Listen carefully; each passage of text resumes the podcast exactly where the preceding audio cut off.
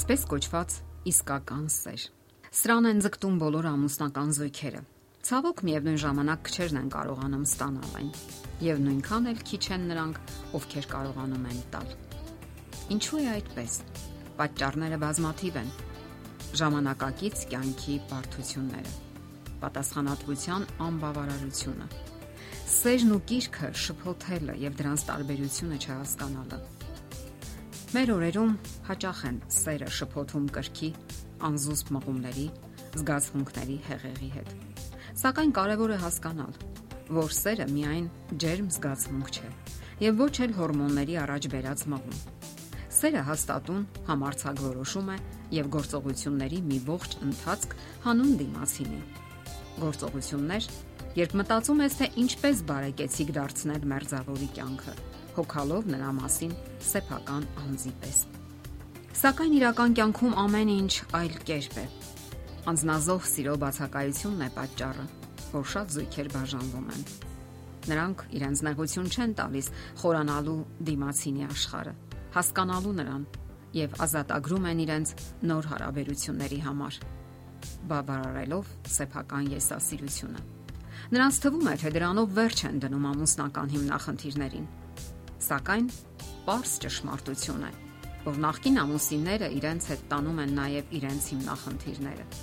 Նոր հարաբերությունները սովորաբար ելի սկսվում են նույն դժվարություններով, որ կային նախկինում։ Շատերն էլ պնդում են, որ միայն կիրքն է ամուսնության իրական հիմքը, եւ եթե կիրքը մարել է, ապա իմաստ չունի միասին ապրելը։ Եվ ահա սկսում են որոնել այն, ինչը չի բավականացնում նախկին կյանքում։ Նրանք դա որոնում են դավաճանական կապերում եւ հարաբերություններում։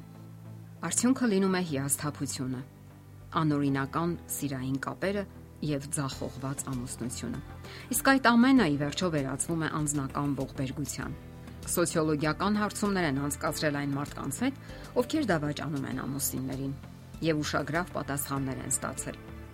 Պարզվում է, որ անօրինական հարաբերությունները ոչ մեկին երջանկություն չեն բերում Իսկ ահա դրա փոխարեն խորանում է անznական դժբախտությունը։ Ահա թե ինչու սխալ է այն ենթադրությունը, որ երբ նուրբ կրքի պորտկումները խաղաղվում են, ապա սերը մահանում է։ Դա նման է այն բանին, երբ երեխան առաջին անգամ գնում է լողավազան։ Իր մանկական ուրախության ողջ ներկապնակով, աղմուկ, ջրի ճողփյուն, հուզմունք, դա իսկապես գրավիչ իրադարձություն է նրա համար։ Բայց երբ մեծանում է, հուզմունքն աստիճանաբար անցնում է Սակայն նա հազիվ թե հրաժարվի լողավազանից միայն նրա համար, որ այլևս առաջին անգամվա նման այդպիսի սուր զգացողություն չի ապրում։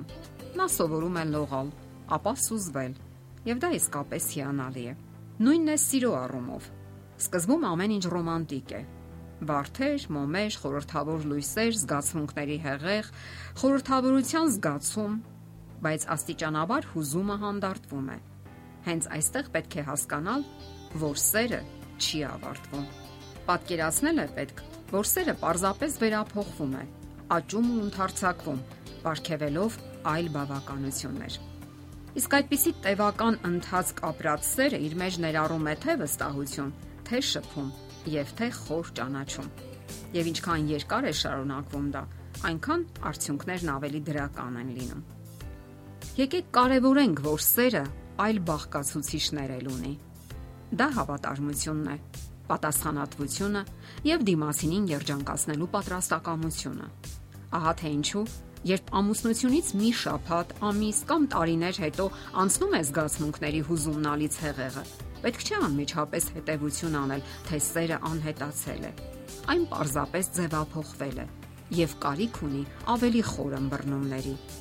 ավելի մեծ պատասխանատվության սեփական ընտրության համար։ Չէ՞ որ դա ձեր ընտրությունն էր։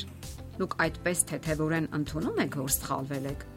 Իսկ ինչքանով եք վստահ, որ հաջորդ ընտրությունը ավելի ճիշտ է լինելու։ Դուք ավելի խելացի ու հնարամիտ եք դարձել ըստ ձեզ։ Ասենք որ անպատասխանատու եւ թեթև կյանքի հակված մարդկանց մի խումբ հենց դրան էլ սпасում է։ Նրանք լողում են արկածների օվկիանոսում, փնտրելով անօրեն կապեր ու հարաբերություններ։ Կարիք չկա սկսել նոր զուգընկերոջ կամ ցախ արկածների որոնումները։ Անհամեմատ ավելի ճիշտ կլինի, որ փոխեք ձեր մտածողությունը ձեր ջանքերն ու զգացմունքները դեպի ներկա զուգընկերը։ Դուք ձեր արարքներով կարող եք փոխել նույնիսկ նրա մտածողությունը եւ զգացմունքները։ Իսկ սիրուն ուղված ջանքերը ի վերջո կհանգեցնեն զգացմունքներին։ Եվ ինչքան շատ եք տալիս, այնքան շատ եք ստանում եւ այնքան երկարաձգում եք մերձ հարաբերությունների ուրախությունը։ Բոլոր զույգերն էլ ունեն խնդիրներ։ Առանց դրա չի լինում որովհետև դուք կատարյալ չեք եւ ոչ էլ հրեշտակ։ Իսկ քանի որ խնդիրները իրենք իրենց լուծվելու հատկություն չունեն, ուրեմն հարկավոր է դրանք հարթել ու առաջ շարժվել։ Միայն զգացմունքներով առաջնորդվելը կատարյալ երեխայություն է։ Մենք ձուկը չենք շպրտում միայն այն պատճառով, որ նա փշեր ունի, այլ խնամքով հեռացնում ենք փշերը եւ շարունակում ուտել ձուկը։ Իսկ ամուսնական ուխտը հենց այդ ձուկն է, եւ առավել եւս, եթե մենք մեզ քրիստոնյա ենք համարում եւ կյանքում առաջնորդվում քրիստոնեական արժեքներով, ապա առաջին տեղում պետք է դնենք հավատարմությունը եւ անznազող սերը։ Թվում է, ավելի հեշտ է ցաղ որոնումները, վրեժխնդրությունը, անառակաբարո կյանքը, սակայն դա ոչ մեկին դեռ չի երջանկացրել, որովհետեւ իսկական սերը խնդիրները համատեղ լուծելն է դիմացինի մարդկային թուլությունները հասկանալը, ներելը եւ ամուսնական սիրո խորթավոր ընթացքով միասին քայլելը։ Իսկական սեր